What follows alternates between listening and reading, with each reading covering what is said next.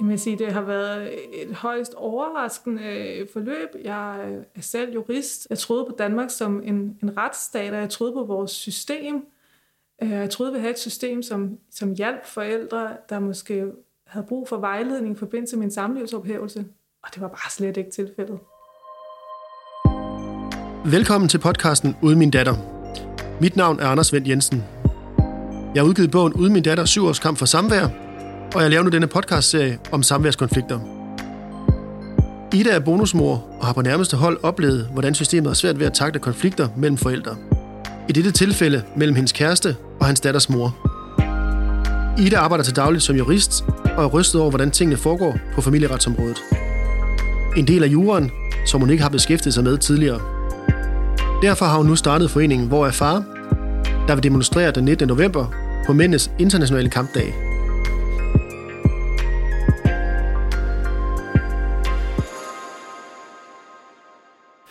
Jeg sidder her ved Ida, og tak fordi du måtte komme og besøge dig.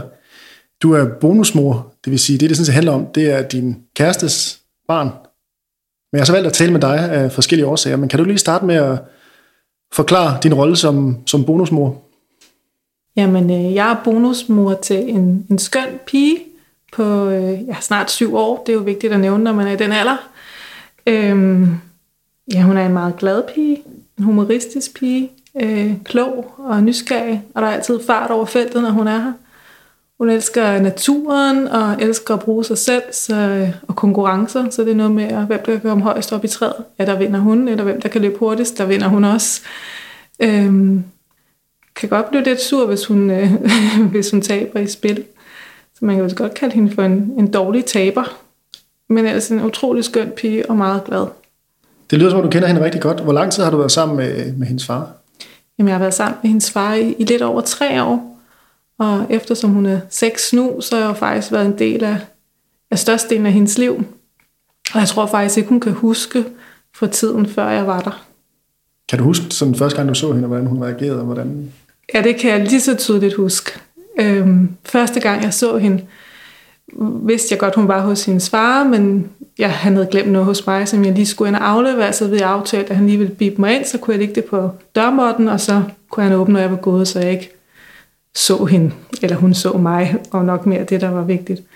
Men så valgte han så alligevel lige at åbne døren, og så kom hun jo løbende ud, øhm, og sagde hej, og så løb hun tilbage igen, og så tænkte jeg, okay, hun kan ikke lide mig, hun blev bange, eller eller andet. Og så kom hun tilbage løbende med en frostbog med Elsa og Olof og Anna, og satte sig på dørmåtten og begyndte at læse den højt for mig.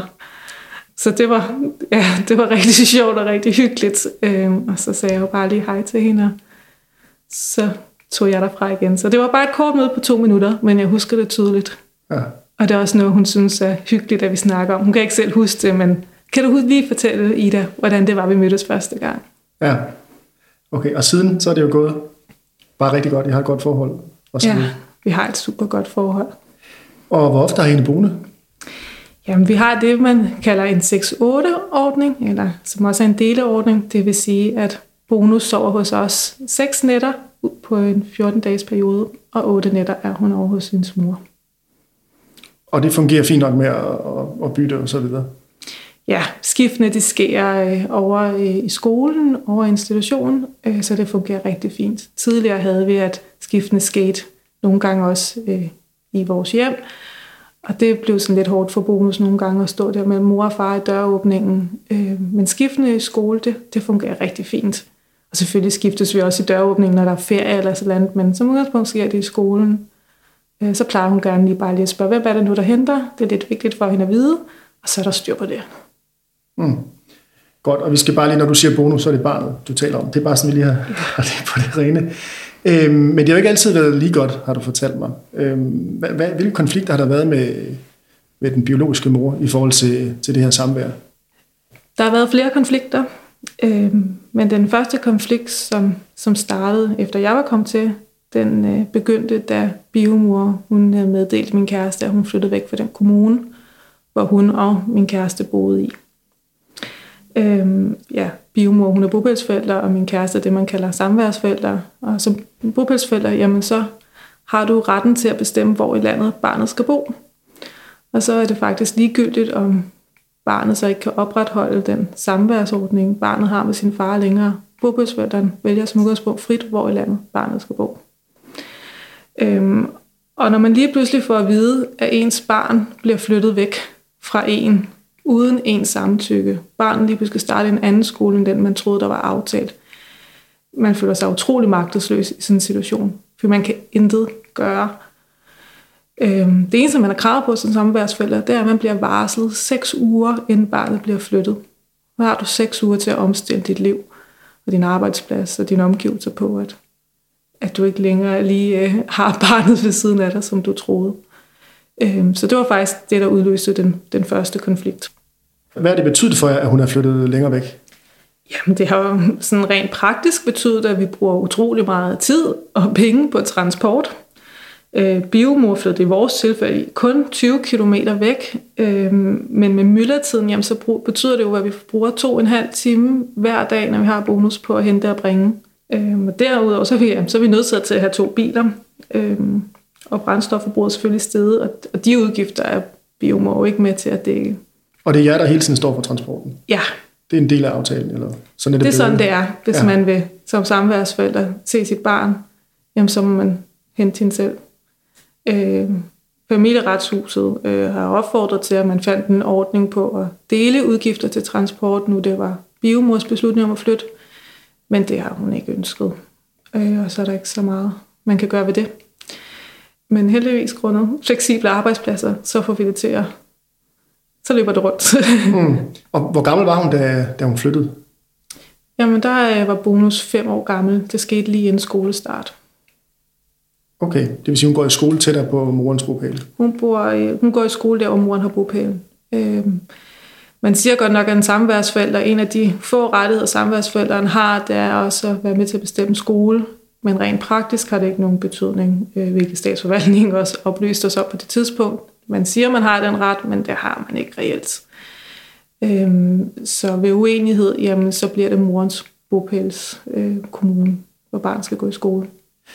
Øh, har der været andre konflikter? Ja, men øh, næste konflikt den opstod, da min kæreste han ønskede at optrappe samværet til en 7-7. Øh, min kæreste og biomor de gik fra hinanden, da bonus var, var helt lille, og det var derfor naturligt, at bonus boede hos sin mor, øh, og var selvfølgelig hos sin mor størstedelen af tiden. Øhm, og min kæreste og biomor aftalte derfor, at de løbende ville optrappe samværet i takt med, at bonus blev, blev ældre. Øhm, det er i hvert fald min kærestes opfattelse. Øhm, men biomor ønskede ikke at være med på en 7-7. Og det er jo sådan, at udgangspunkt i forældreansvarsloven, at bopælsforældrene har alt samværet med barnet, og samværsforældren må så anmode bopælsforældren om at få lov til at være sammen med sit barn. Øhm, afviser bopælsforældren, jamen, så er det eneste, en samværsforælder kan gøre, det er at sende en, en anmodning til familieretshuset om at få lov til at se barnet. Det samme gør sig faktisk gældende, hvis man vil ændre samværet. Der er det udelukkende bopælsforældren, der bestemmer, om samværet skal ændres. Og afviser bopælsforældren, ja, så må samværsforældren anmode familieretshuset om at, om at prøve at ændre samværet. Og det var det, min, min kæreste så var nødt til at gøre, så han startede en sag i det, der så nu hedder familieretshuset, men det var statsforvaltningen dengang. Mm. Øhm, med møde i statsforvaltningen, der gik biomor så heldigvis med til at lave en frivillig aftale om at sætte samværet, optrappe samværet til en 6-8-ordning. Øhm, så det var en kæmpe lettelse og glæde, at vi selv kunne finde en løsning. Og hvad skete der så? Herefter så startede der så en ny konflikt. Øhm, I Danmark så er det jo sådan, at samværsforældrene skal betale børnebidrag til bopælsforældrene. Udgangspunktet er børnebidrag omkring, jeg tror det er omkring 1300 kroner øh, om måneden, men i, hvis samværsforældrene tjener mere øh, end statsforældrene, familieretshuset satser, jamen så stiger det her beløb. Øhm, og det er faktisk uden skeen til, hvad bopælsforældrene tjener. Så det kan faktisk blive et relativt højt børnebidrag, man ender op med hver måned. Er der derimod tale om en deleordning, altså man har en 6-8 eller en 7-7, jamen så bortfalder børnebidrag. Det vil sige, at samværsforældrene ikke skal betale nogen penge til bopælsforældrene, men samværsforældrene skal selv sørge for at betale eller købe tøj og sko og hvad barnet ellers måtte have brug for, når barnet er hos samværsforældrene. Mm. Det skiller ved 6-8, eller hvordan? Det skiller ved 6-8, ja. ja. Øh, og nu fik vi jo en aftale i statsforvaltningen omkring en 6-8-ordning, og derfor mente vi, at børnebidraget, øh, det skulle ikke længere betale. Men det var biomor uenig i, så hun startede en ny sag, som så kørte i ja, halvandet år, ved det, der så i mellemtiden kom til at hedde familieretshuset. For os handlede den sag omkring børnebidrag meget om, at vi ikke ønskede at være afhængige af biomor. Øhm, ved, når vi betalte et for vores øh, relativt højt børnebidrag, øh, så skulle biomor sørge for tøj til bonus og sko til bonus, når bonus var hos os. Og det ønskede vi sådan set ikke. Vi ville selv sørge for, øh, at bonus var klædt ordentligt på, når hun var hjemme hos os, og hun havde de ting, hun skulle bruge, når hun var hjemme hos os. Øh, og grundlæggende tror jeg, at de fleste forældre vil have det sådan, at de bedst kan lide selv at sørge for, at deres børn har det godt, og deres eget ved og vel, og give dem de ting, de har brug for. Øh, det er jo ikke sjovt, man som samværsfar hele tiden skal spørge biomor om lov til at få nogle ting til barnet måske. Øhm, og derudover så er der jo også en kæmpe glæde i at selv at kunne købe nogle gode ting til sit barn, at man ikke bare som far er forpligtet til at give mor en, en pose penge hver måned, og så er det hende, der får glæden i at give for fars penge. Mm. Men det vil sige, der var så en, en konflikt om, om økonomien. Hvordan er de så landet på en eller anden måde? Ja, det tog halvandet år i familieretshuset og i familieretten, som det også hedder, øh, hvor vi endte med at vinde sagen, og børnebidrag, det bortfaldt, da vi har en 6-8-ordning. Mm. Okay. Kører det så stabilt nu, eller hvordan? Ja, det vil jeg faktisk sige. Øhm, man er jo lidt bange for at jinx noget, men jeg synes, situationen er rigtig god i dag. Jeg synes, vi har en okay dialog med biomor i dag, og samarbejdet med at købe overtøj og sko og sådan noget, der følger bonus, det, det fungerer faktisk rigtig fint. Mm. Holder I også fødselsdag sammen og sådan noget? Eller? Ja, vi har en aftale om, at vi skiftes til at have bonus på hendes fødselsdag, øh, hvor vi mødes og spiser morgenmad sammen, alle sammen, og fejrer mm. hende. Mm. Det er jo godt for alle sammen, lyder det som om. Øhm, og selvom det så er, om jeg så må sige, 6-8, altså vi overvejer noget 7-7 og gå efter det på et tidspunkt, eller er det fint, som det er?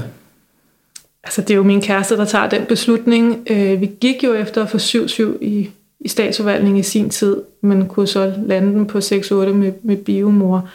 Øhm, og eftersom det kører rigtig fint nu, og dialog med biomor, og vi har bonus, som er en rigtig glad pige, så tror jeg ikke på nuværende tidspunkt, vi overvejer at, at ændre det til 7-7. Men det kan også være, at bonus er begyndt at være mere opmærksom på, hvilke dage hun er hvor. Så det kan også være på et tidspunkt, hun selv kommer og spørger, hun har da sagt øh, på et tidspunkt, jamen hvordan kan det være, at jeg lige er en dag eller to dage ekstra hos mor, og så på et tidspunkt kan det da godt være, at vi ændrer det mm. på, på hendes forespørgsel. Ja. Øhm, og på den her deleordning, jamen så er der aldrig så lang tid, før hun skal over til mor igen, og der er aldrig så lang tid, før hun skal se sin far, øh, og der er ikke så lang tid, hun skal undvære dem. Øh, og det tror jeg bare giver en ro hos, hos bonus. Øh, bonus er i hvert fald øh, meget til stede i nuet, og meget til stede, når hun er hos os. Øhm, det vil sige, når hun er hjemme hos os, jamen, så kan hun selvfølgelig fortælle, og fortæller os glædeligt, hvis hun har oplevet en spændende år hos sin mor de dage, hvor hun har været der. Men derudover så fylder mor ikke så meget, når bonus er her. Øhm, og det hænder der nogle gange, at, at biomor ringer og lige vil snakke med bonus, og så bliver bonus faktisk ofte lidt irriteret, og sådan, nej, nu hygger jeg lige her hos far, og jeg ser hende jo alligevel om to dage. Øhm, dermed ikke sagt, at hun ikke gider tale med sin mor, når hun er her, men man kan mærke, det er lidt irriterende. Nu er hun lige her. Mm. Og så har hun ikke lyst til at blive forstyrret med, hvad der foregår. Og, og hvad så med kammerater? Har hun også nogen her, hun ikke ser det andet sted, og, og så videre? Eller? Man kan sige, nu øh, var hun ikke så gammel, da hun, da hun blev flyttet øh, mm. ud af vores kommune. Øh, så de veninder, hun har nu, er, er hovedsageligt dem fra hendes klasse, som vi jo så også laver legeaftaler med, lige så vel som hun gør hos hendes mor.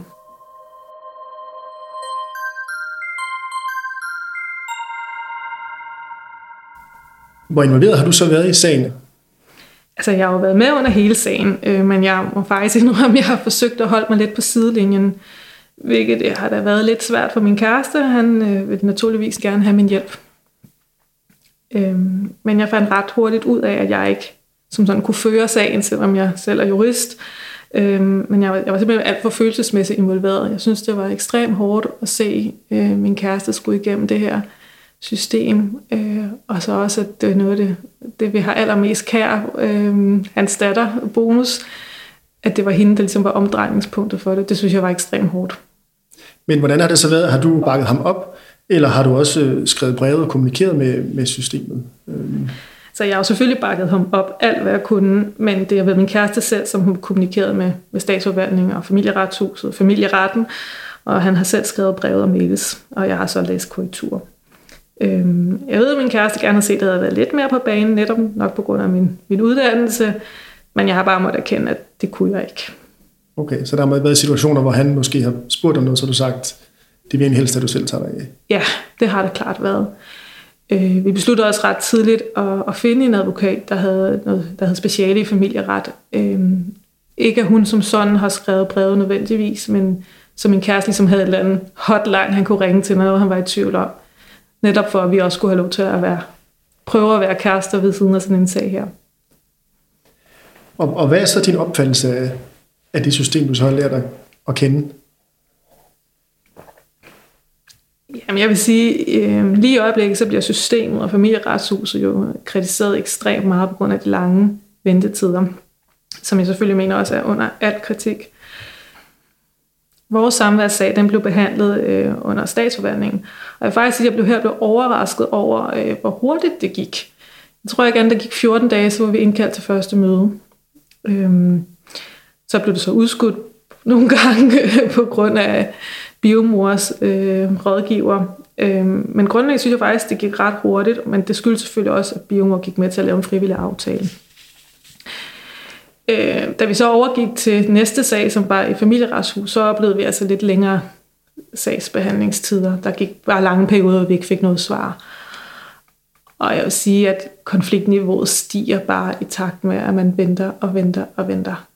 Øhm, nu drejede vores sag så heldigvis bare om penge, men når det drejer sig om folk, der ikke sætter børn, så tænker jeg, at det her ikke måske.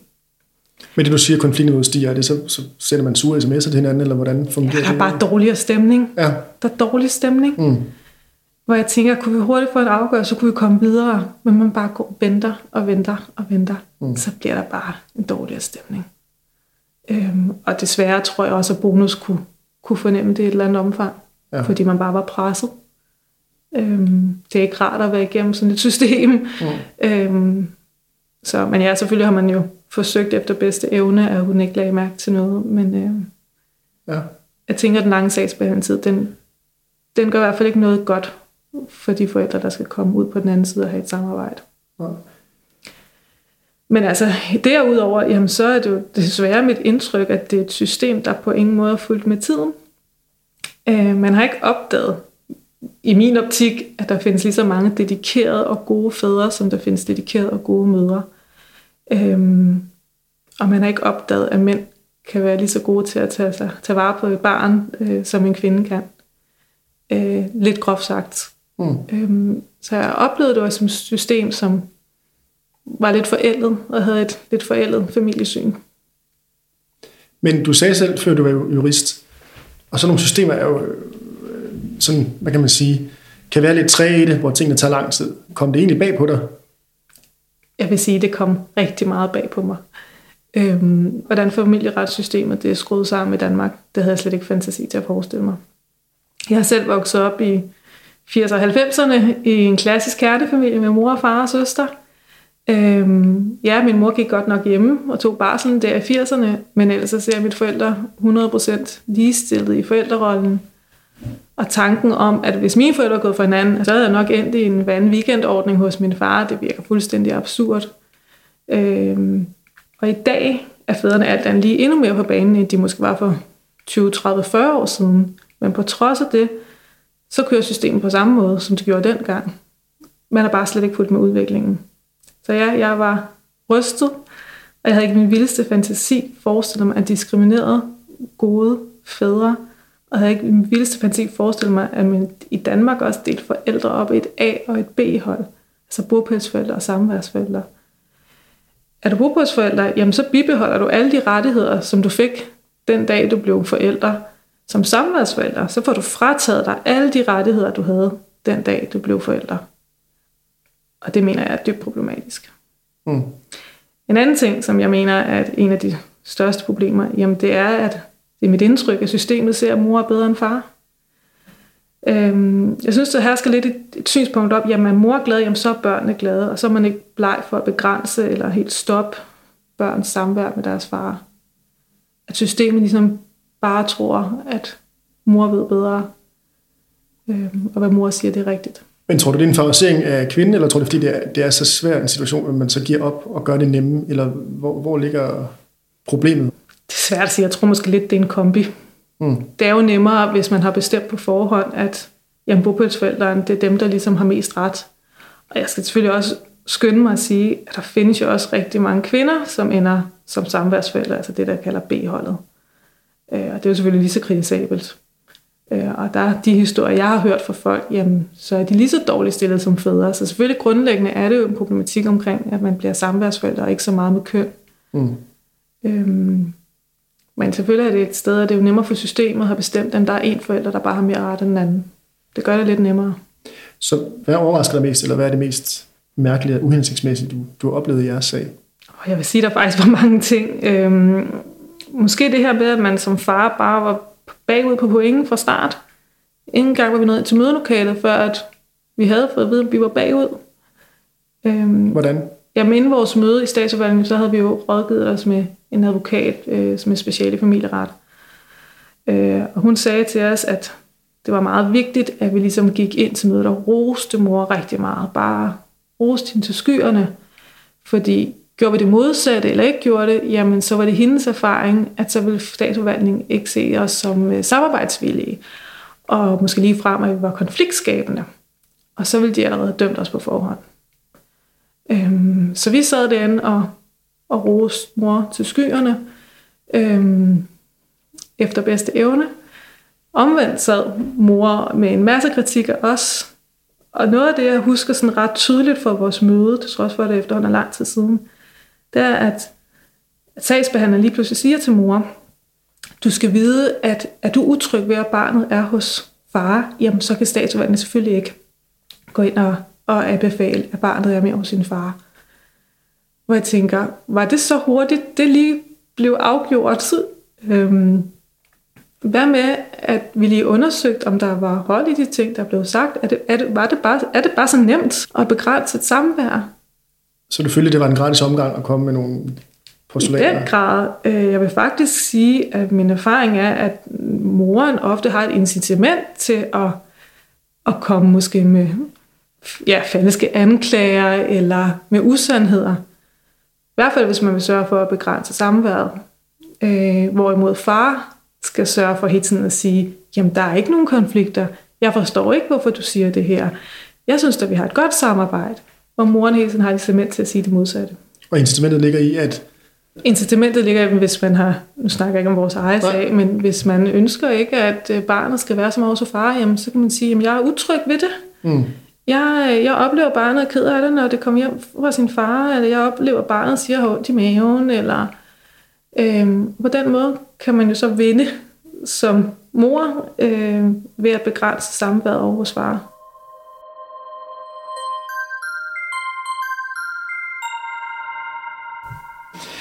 Hvis man så vender om og siger, hvad kan systemet så gøre bedre, synes du?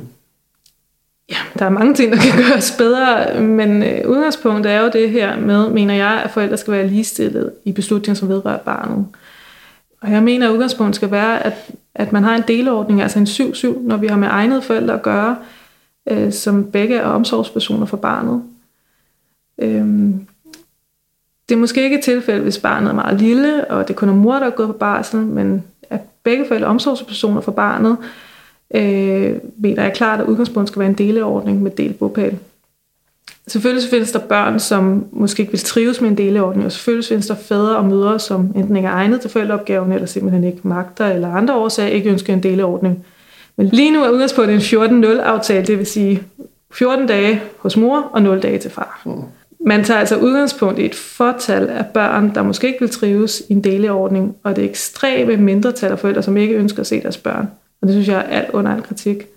At en far, som har kørt ungerne til fodbold, smurt madpakker, øh, læst godnathistorie, han lige pludselig kan risikere at stå med ingen mulighed for at se sine børn, anden han kan spørge mor eller han kan så alternativt anmode familieretshus om at få lov til at se sine børn. Så han lever lidt på mors, mors noget, kan man sige. Det må man sige. Hvis du skulle give et råd til dem, der bestemmer, hvor, hvor skulle de starte? Jamen, jeg vil sige, at de skulle starte med at ophæve bopælsbegrebet og samværsbegrebet. Øhm, velfungerende og egnede forældre, de skal være ligestillet foran til børnene. Og der er ikke nogen forældre, der skal sidde med alle kortene på hånden, øh, som man gør lige nu som bopælsforældre. Og så tror jeg altså også, der skal ryddes op i familieretshuset. Jeg har godt hørt, at der er flere, der siger, at der arbejder for mange kvinder derinde. Det, nu er jeg selv kvinde, og jeg tror ikke som udgangspunkt, det er det, der er problemet. Jeg tror mere, det er sådan en kulturændring øh, ud fra mine erfaringer. Jeg tror mere, problemet er, at der er et forældet familiesyn, øh, der virker til at, at florere. Så, så det er altså noget med at ligestille forældrene så godt som muligt? Ja, øh, de skal ligestilles i beslutninger omkring børnene. Det tror jeg vil skabe færre konflikter. Det ved jeg jo godt, der er mange kritikere, der siger, at det er bedre at sige, at den ene har, har magten, så skal den anden bare rette ind. Det tror jeg bare i bund og grund ikke, ikke hjælper. Selvfølgelig vil der være ting, som forældre ikke vil kunne løse, ved at begge har lige meget at skulle sige.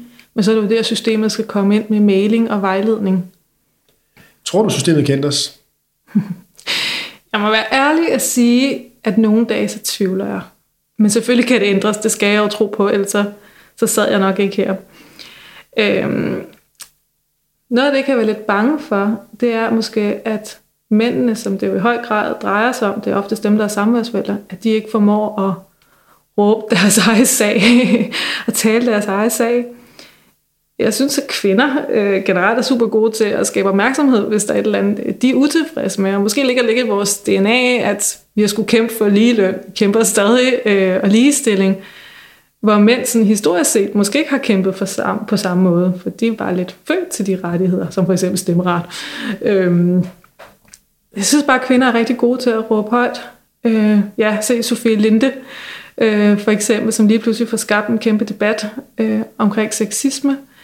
Der har også lige været en blogger, Katrine Wigman, som lige har skaffet 56.000 kvinders, øh, eller folks, øh, underskrift på, at kvinders æg må være nedfrossen længere tid.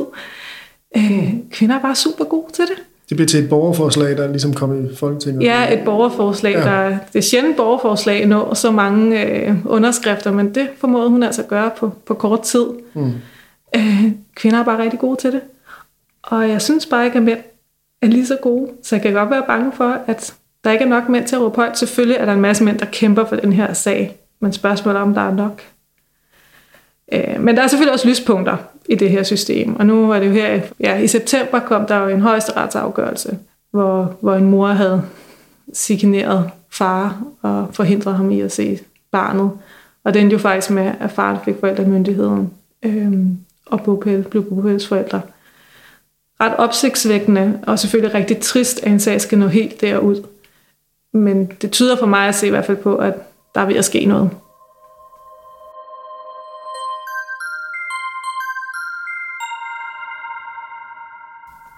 Og lige før sagde du noget i stil med, at hvis ikke du troede på det, så ville du ikke sidde her. Og det, så er vi jo fremme ved, hvorfor vi egentlig sidder her. Nu har vi hørt øh, din historie, og hvis man så skal kigge på jer, så er det jo egentlig endt lykkeligt forstået på den måde, at øh, du og din mand, eller du og din kæreste, ser øh, hans barn og ser bonusbarnet.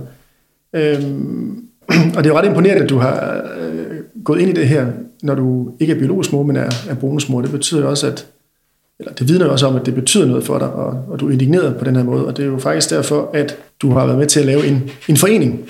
Så det må du egentlig godt fortælle lidt om. Hvad er det for en forening, du har været med til at lave? Jamen, øh, jeg har været med til at stifte øh, Hvor er far, som er en forening, der har til formål at først og fremmest oplyse om, hvordan systemet er skruet sammen, for jeg tror, der er rigtig mange, der ikke ved det, inklusiv mig selv. Inden jeg mødte min kæreste, havde jeg jo ikke fantasi til at forestille, hvordan det hang sammen. Øhm, så det er et af formålene, der er at give oplysning omkring det. Ja, og det er meget interessant, du siger det der med, at, at man, du ikke var klar over, hvordan systemet var, og det hører jeg jo fra mange, at det er først, når vi står midt i det, eller kender nogen, øh, så, så finder de ud af, hvordan det ene hænger sammen, og bliver ret overrasket. Det er i hvert fald det, det generelle billede. Du er ikke enig om at have foreningen. I er to. Øh, hvem er den anden? Jamen, jeg har stiftet foreningen øh, sammen med Ejman, som selv er far, og som på egen krop har erfaret, hvor dårligt stillet man er som far, eller som samværsforælder i det her system. Øhm, og jeg mødte Ejermand gennem øh, Facebook, hvor han ledte efter nogen, som ville hjælpe ham med at lave en demonstration, om som ville hjælpe ham med at gøre en forskel. Øh, så derigennem mødte vi hinanden for, ja, det, det er et års tid siden nu. Altså, det er jo sådan lidt vildt at gå i gang med en forening. Man kan sige, der er jo andre foreninger derude. Der er jo øh, altså selvfølgelig foreningen Far, som man kender, der er øh, Fathers and Europe, god far. Der er også noget, der hedder Manderådet, der arbejder med det her. Der er også nogle familieadvokater, der ligesom har specialiseret sig og, og er derude og kæmper mm. den her øh, sag. Øhm, så hvorfor lige lave den selv? Hvorfor ikke gå med i nogle af de, de andre, eller være medlem andre steder og arbejde der? Altså jeg tror, øh, øh ej, men vi havde måske lidt svært ved at identificere os med de andre foreninger. Altså vi arbejder på og grund jo for det samme. Øh, bedre rettigheder ja, for fædre, men med børnene selvfølgelig i fokus. Og de andre foreninger, jamen de rådgiver, men selvfølgelig også arbejder for det samme, som vi gør. Men, øh, men vi synes ikke rigtigt, at vi lige kunne, kunne se os selv i det, også fordi vi lidt fra start af havde haft det som et mål at prøve at lave noget røre ved at lave en demonstration. Og det er der også ingen af de andre, der ligesom gør. Men dermed ikke sagt, at vi ikke har et samarbejde med, ja, for eksempel øh, Fadelsen EU og God Far Manderåd, der man vi i dialog med, og nogle andre fædre, der kæmper for, for bedre rettigheder. Øhm, så vi har et samarbejde og hjælper hinanden. Var det egentlig svært at finde et navn? Jeg synes faktisk, at det var relativt nemt. Øh, det var min idé, men det tog bare lidt tid at få overtalt Ejman til, at det var det, der skulle være vores navn, hvor er far. Øh, navnet det indikerer jo i høj grad, at jeg far mangler. Hvor er han? Hvor er han i systemet? Børnene spørger, hvor er far måske? Øh, men Ejman var ikke helt hooked på ideen, og det var han ikke, fordi at, at det meget indikerer, at det er far, der er øh, vores hovedformål. Øh, og i bund og grund, så er det, vi kæmper for, det er et opgør med samværsbegrebet og bopælsbegrebet. Øh, og det kan jo lige så vel være mor, der ender som samværsfælder. Øh, og hun er jo lige så dårligt stillet som de her fædre, vi taler om. Så derfor var man meget bange for, at vi ligesom gjorde det her til en kønskamp, vores, vores bevægelse, vores forening ved at kalde det hvor er far. Og det er ikke en kønskamp. Det handler om, at forældre bare skal være ligestillet. Og så er det lige meget, om det er mor eller far. Der er ikke nogen af dem, der skal være placeret på B-holdet. Ja, for der er også en tagline. I hedder ikke kun, hvor er far? Nej, vi hedder også øh, bevægelsen for ligestillet forældreskab. Og det er ligesom det, der er det hovedformålet, det vigtigste for os. Når vi så alligevel valgte at kalde det, hvor er far, så er det også bare fordi, at vi synes, det er på sin plads at nævne far. Fordi realiteterne er bare, at det er mor, der er baseret på A-holdet i 90 procent af det tilfælde. Tror du, det har været nemmere for dig at engagere dig i det her, uden at have følelserne involveret i det, i forhold til for eksempel din mand? Altså det med, at du kan distancere lidt fra det, og så se objektivt på det, og så netop lave den her forening? Øh, ja, på en eller anden måde. Altså jeg tror ikke nødvendigvis, det er nemmere, fordi at, øh, at det ikke er mit biologiske barn, men jeg tror, jeg måske har et andet overskud, for det ikke er mit biologiske barn. Øh, og netop fordi vores sag endte godt. Hvis vores sag ikke havde endt, som den gjorde, så tror jeg ikke, jeg havde haft overskud til at, til at starte hvor er far op. Øh, men jeg synes også, at jeg føler lidt et ansvar for det, øh, fordi jeg tænker, at alle de fædre eller mødre, der kæmper lige nu for deres børn, det er jo ikke dem, der har overskud til at, til at kæmpe øh, for deres rettigheder som forældre. Så når man står midt i det, så, så er det for uoverskueligt. Præcis, og når man så måske endelig er kommet igennem sådan en lang kamp, har man måske lige fået børnene, eller der lige er ro på sagen, hvor man så tænker, ej, nu starter jeg en forening op, eller nu skal der gøres noget. Det, det, det tror jeg ikke, man har overskud til. Hvad er det, der driver dig? Jamen, det, det er min retfærdighedsfølelse, tror jeg først og fremmest, men så er det selvfølgelig også bonus. Det, det, gør, det gør virkelig ondt at tænke, at der er en risiko for, at hun bliver taget fra os lige pludselig, fordi at vi har med et skævt system at gøre, der ikke ser far eller samværsforældrene lige så god som mor. Og det er en kæmpe frygt, jeg har. Øhm, og ja, den frygt, den sidder i baghovedet på mig, og den sidder også på min kæreste, at der altid vil være en risiko. Øhm, og jeg har hørt flere fædre, der har kontaktet mig, også gennem din podcast har jeg hørt eksempler på fædre, som måske har velfungerende deleordninger, men lige pludselig, så sker der et eller andet, som gør, at de i dag ikke har kontakt til deres børn. Og det er jeg bare ekstremt bange for at ske. Og det må bare ikke ske. Det må ikke ske for nogen. Ikke for nogle gode forældre, gode fædre. Og den frygt er der jo så nærmest de næste 10 år, indtil hun, hun er myndig? Den frygt vil være sidde i baghovedet, lige indtil den dag, hun bliver 18 år.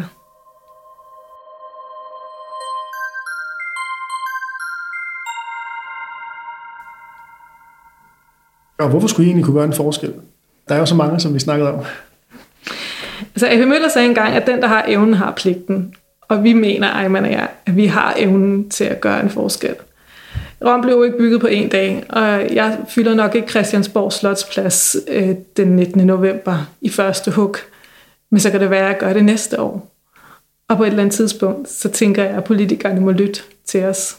Og vi tror, at vi kunne gøre en forskel. Og jeg tror også på, at det kan jeg mærke for de andre organisationer, som kæmper for det her, at, at de gerne vil støtte op om os. Og jeg tror bare på, at vi er stærkere sammen, øh, alle os små organisationer.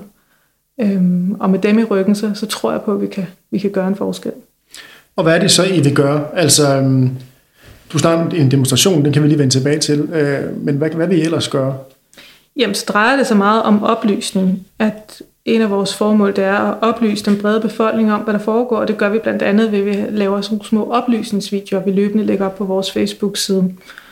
Øh, hvor vi helt objektivt set, vil jeg jo påstå, fortæller om, jamen, hvordan fungerer systemet. For der er rigtig mange, der ikke ved det her. Og det er bare for sent, når du står i det. Det er nu, vi skal ændre det. Så er du mand, øh, og der er en baby på vej måske, så synes jeg, du kan komme til demonstration og gøre en forskel. Og heldigvis kender jeg mange i mit netværk, som gift og er glade og så videre, men har små børn, som siger, jeg kommer, jeg stiller op, og jeg kommer med barnevognen, fordi at den her situation skal jeg ikke risikere at stå i. Og når man så kigger på jeres Facebook-side, så har I Ja, knap omkring, 400. Ja, knap 400 øh, følgere. Hvor, hvor mange har I om et år? Hvor er I henne der? Og der mener jeg, at vi kan gange det med, med tre. Ja. Det tror jeg er målet. Altså, vi startede vores Facebook-side her i midt juni, og jeg har omkring de der 400 følgere nu. Øhm, så det er, vi, det er vi rigtig stolte af og, og ret, øh, ret glade for. Og synes også, det vidner om, at der er en interesse. Og vi bliver også ugenligt kontaktet af, ja, af fædre, øh, ja, bedsteforældre og, og bonusmødre, ligesom jeg selv, som siger, ej, hvor er det dejligt, I gør noget, jeg, jeg kommer, jeg fylder bilen, og vi skal være med til at ændre det her. Og på sigt skal det så være med, at man kan være medlem, eller skal man have rådgivning, eller hvor, hvor, hvor langt? Hvad er ambitionerne? Ja, jeg tror ikke, at vi lige snakker om rådgivning. Det er der nogle andre, der er rigtig gode til. Øh, det handler mest om at, lave noget støj. Øhm, så, så det er ikke planen på nuværende tidspunkt. Hvor mange timer lægger I det sådan? Oh, det er meget forskelligt. Både Ejman og jeg har, øh, har fuldtidsjob ved siden af, og et familieliv øh, med børn, øh, som også skal plejes. Så det er meget forskelligt fra uge til uge. Men øh, først har det været det år, hvor vi har kendt hinanden, at vi mødes hver tirsdag. At nogle gange har det været muligt, så har det været telefonmøde, men først hver tirsdag tager vi lige og, og holder et møde. Øh, og så, ja, mens vi bare sidder her, har der også tækket sms'er ind fra ham, fordi at vi er løbende, jeg tror ikke, der går en dag, uden vi lige øh, skriver sammen, også hvis man lige får en ny idé eller et eller andet, så det er svært lige at sætte et timetal på, hvor mange ja. timer der, det løber op i. Det, du har nævnt på gangen, det er, at vi så snart er vært for øh, en demonstration på Christiansborg Slotsplads øh, den 19. november på Mændenes Internationale Kampdag. Øh, hvad har I tænkt jer der? Jamen, som du rigtig nok siger, så øh, vil vi gerne skabe fokus på, hvor dårligt mænd er stillet, og det synes vi er meget oplagt at gøre på Mændenes Internationale Kampdag, hvor der i forvejen ikke sker så meget normalt. Jeg synes mere, man hører om kvindernes internationale kampdag. Øhm, så vi har planlagt en demonstration øh, for klokken 14 af, at det er kun et par timer, så jeg vil selvfølgelig opfordre alle i at dukke op, lige meget om man er far, eller bedstemor, eller bedstefar, eller bonusmor, eller ja, kom Øh, det, der skal ske, jamen, det er, at vi skal give et signal til politikere om, at det her at det ikke er godt nok. Øh, der skal ske noget. Og øh, der vil også komme nogle talere. Og hvem kommer og taler? Ja, vi har prøvet at skrive til nogle politikere, øh, men de er ikke så interesserede. Nu er det jo heller ikke så moderne for tiden måske at snakke om, at mænd bliver diskrimineret. Det er mere moderne at snakke om, at kvinder bliver det. Øh, så indtil videre har vi ikke haft heldet med til at få politikerne med, men vi gik ikke op endnu. Øh, men så har vi nogle nogle andre kendte mennesker, der gerne vil deltage i debatten heldigvis, men vi kan ikke sidde og løfte sløret for det nu, desværre, men man må følge med på vores Facebook-side. Og der søger man på vores far, og så kommer man ind på den? Ja. Skal der være en scene, man kan stille sig op på, eller hvordan? Ja, der, der bliver en scene, og der bliver en mikrofon, og der bliver lidt skilte, men ellers skal det jo foregå stille og roligt. Det vil sige, at det er nogen plads, hvad der skal ske. Hvad, hvad vil I så gøre mere for at få opmærksomhed op til øh, dagen? Jamen, der vil vi selvfølgelig øh, trække på vores netværk først og fremmest, men selvfølgelig også på, på medierne. Øhm, jeg håber på, at medierne er med til at dække sådan en historie. Et er, at det handler om vores allesammens børn, men noget andet er om mænds rettigheder. Så selvom det ikke er moderne lige for tiden, så på Mænds Internationale Kampdag, så har jeg en forhåbning og forventning om, at de vil være med til at dække vores, vores historie. Øhm, Altså man kan sige, det er jo lidt, måske lidt gammeldags med en, en demonstration, tænker jeg, fordi det er jo kun dem, der lige kommer forbi, forbi tilfældigvis, der kører forbi derinde, eller, eller går forbi, der ser det. Sender I live derindefra, eller hvad, hvordan, hvordan gør I? Ja, du har fuldstændig ret. Det er sådan lidt old school med en demonstration, men vi tænker, historisk set har det jo virket før, og det er jo ikke så lang tid siden, der faktisk har været en del demonstrationer omkring nummeringerne i daginstitutionerne, som bevægelsen, hvor er der en voksen har startet, og det virkede jo. Øh, så vi tænker, vi, vi prøver det. Men vi har da helt sikkert også holdt op og vente, om man skulle livestreame. Nu er der også corona, så det kunne måske også give mening. Øh, men det her det er jo også forhåbentlig kun starten på en årlig eller halvårig begivenhed. Vores plan er, at på farsdag i juni måned vil vi lave næste demonstration, og så igen på Mændenes Internationale Kampdag øh, igen i 2021. Så det bliver sådan en halvårig tradition. Det er det, der er vores plan. Og så forhåbentlig får vi flere og flere med, så vi til sidst kan sende et meget stærkt signal om, at det her det ikke er godt nok. Det vil sige, opfordringen det er, at folk skal komme, måske gerne med noget håndsprit og mundbind, og, og så man ikke, og ikke stå for tæt, og så Ja, det med mundbind. Vi har faktisk undersøgt at få lavet mundbind med vores logo, men nu er vi kun to i vores lille bevægelse her, så det bliver altså for dyrt, men øh, jeg vil opfordre alle til at komme med håndsprit og mundbind, og så vi sammen sender et signal om, at der skal gøres noget. Øh, og hvor mange øh, tror du, der kommer? Det er jo midt på dagen, det er jo arbejdstid og en hverdag og sådan. Ja, det har vi også fået mange henvendelser omkring, og sige, ah, kunne jeg ikke have gjort det i weekenden, men nu er mændenes internationale kampdag, den falder altså bare den dag, og det synes jeg var vigtigt at bruge den dag til at markere den her sag. Øhm, ja, derudover så er det kl. 14, og der er der forskellige årsager. Et, fordi vi synes, det var vigtigt, at politikerne var på arbejde. Det håber jeg, de stadig er kl. 14, så de kan kigge ud på os. Øh, to, så er det altså også i november, så jeg synes også, det var trist, hvis vi skulle stå der i helt bullermørke. Så derfor er det kl. 14. Og hvis man så ikke selv kan være med, hvad, så kan man gå ind på jeres Facebook-side bagefter og se, hvordan det gik, eller hvad, hvad er jeres planer sådan? Ja, hvis man ikke selv har, har mulighed for at være med, så kan man i hvert fald gå ind på vores Facebook-side og følge med løbende, både for demonstrationen og, og hvad vi ellers laver af initiativer. Og så vil jeg selvfølgelig opfordre folk til at gå ind og følge vores side og invitere ens netværk til siden, fordi at vi har, vi har brug for støttere. Øhm, så det vil selvfølgelig være min opfordring herfra. Jamen, så vil jeg bare ønske jer held og lykke med projektet. Det er jo enormt sympatisk. Jeg håber, der kommer rigtig mange derind. Og så øhm, at det ikke bliver alt for dårligt vejr. Og så er de, de får det ud af det, I gerne vil. Og ja. Det kan være, at vi ses derinde. Det håber jeg. Ja. Du har nu hørt om Idas arbejde med at starte foreningen Hvor er far? Læs mere på deres Facebook-side og tag med til demonstrationen, hvis du vil støtte initiativet. Har du forslag til andre gæster i kommende afsnit, så kontakt mig via Facebook-siden Uden Min Datter. Her må du også meget gerne dele, like, kommentere osv., så historierne kommer ud til endnu flere. Husk også at abonnere på podcasten, så du altid får de nyeste afsnit. Musik og lyd er lavet af Oscar Vendt Mosgaard. Tak fordi du lyttede med.